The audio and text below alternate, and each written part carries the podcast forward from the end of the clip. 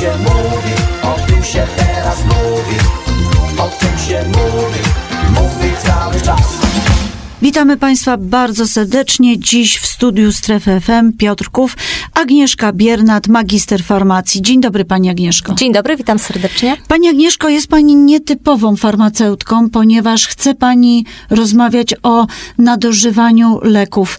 W sumie jest to dobry interes dla farmaceutów, dobry interes dla reklamodawców, że kupujemy te leki. Dlaczego Pani zdecydowała się porozmawiać o nadużywaniu leków? W trakcie mojej dziesięcioletniej pracy w aptece otworzyłam dość szeroko oczy na potrzeby pacjentów. Skupiłam się na e, grupach wiekowych, które e, najbardziej tracą tak naprawdę nadużywając e, leków. Są to głównie seniorzy i bardzo chciałabym pomóc pacjentom być wyedukowanym, być świadomym pacjentem, dlatego że jest to niesamowicie ważne dla naszego zdrowia i dobrego samopoczucia. No właśnie, bo my często sięgamy po leki i suplementy leków, Czyli jest chyba jakaś różnica i to dosyć zasadnicza.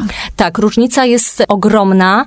My, farmaceuci, skupiamy się głównie na lekach, dlatego że leki są dla nas zaufanym preparatem. Leki, e, żeby mogły dostać się do obrotu aptecznego, muszą przejść czasami nawet długoletnie, bardzo drogie badania kliniczne, więc one są pod ciągłą kontrolą. Dopuszczenie takiego leku to jest e, dość długa procedura.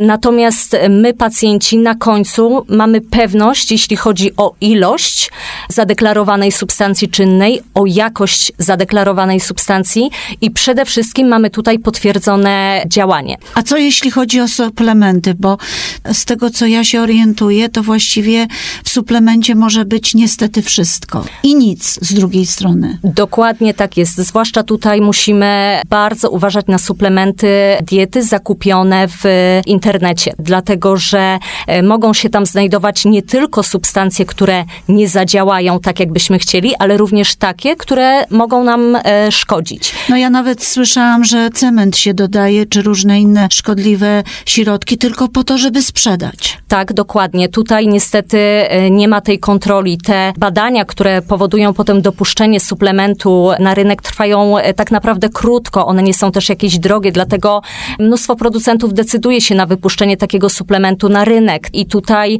e, niestety w trakcie nie mamy tutaj żadnej kontroli. Jedynie Główny Inspektorat e, Sanitarny może tutaj e, kontrolować nam suplementy diety. Czy apteka odpowiada za suplementy, czy nie? To jest tak, że państwo przyjmują do sprzedaży, ale właściwie macie nad tym jakąś kontrolę, poza tym, że wiecie za ile sprzedać i jak to sprzedać? Musimy mieć kontrolę, jeśli chodzi o te wymagania nasze apteczne, czyli przechowywanie, tak? One muszą być e, przechowywane w odpowiedniej temperaturze, w odpowiedniej wilgotności, natomiast my e, no, nie, nie prześwietlimy tego opakowania. Producent coś deklaruje.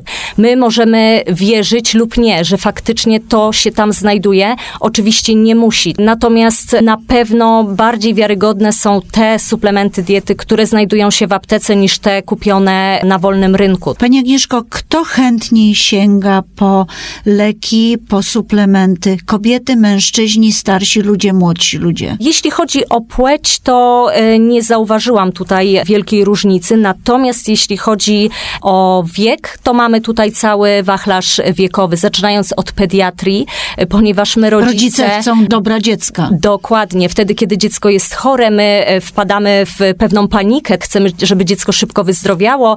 Wtedy już jest za późno na zdrowe odżywianie, na spacery na świeżym powietrzu, na wietrzenie pomieszczeń.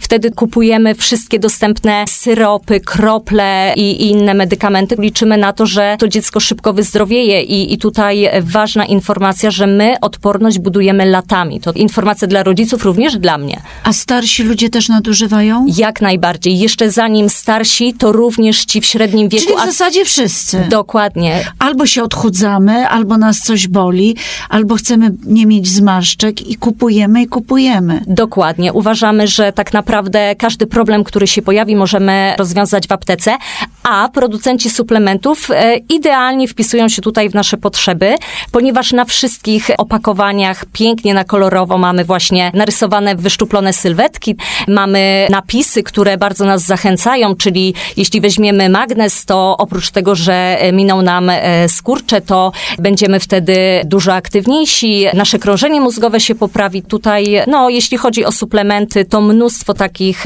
informacji, głównie zawartych na e, opakowaniach. Pani Agnieszko, środki przeciwbólowe, czy to nie jest plaga w tej chwili i chyba antybiotyki? Jeśli chodzi o leki e, OTC, czyli takie bez recepty, to właśnie leki przeciwbólowe i takie nasenne, uspokajające. Nadużywamy. E, Nadużywamy jak najbardziej. Nie zdajemy sobie kompletnie sprawy z e, konsekwencji używania tych leków. Wiele leków przeciwbólowych, przeciwzapalnych na przykład powoduje wzrost ciśnienia i u takiego pacjenta, który leczy to nadciśnienie, spowoduje to podwyższenie ciśnienia, które już i tak było wysokie. A antybiotyki? Antybiotyki jak najbardziej to są leki na receptę, Ale jednak my potrafimy coś załatwić. Oczywiście, tak. My uważamy, że, że każdym antybiotykiem wyleczymy daną dolegliwość, natomiast większość tych infekcji jest wirusowych, tak. Tutaj antybiotyki absolutnie nie pomogą.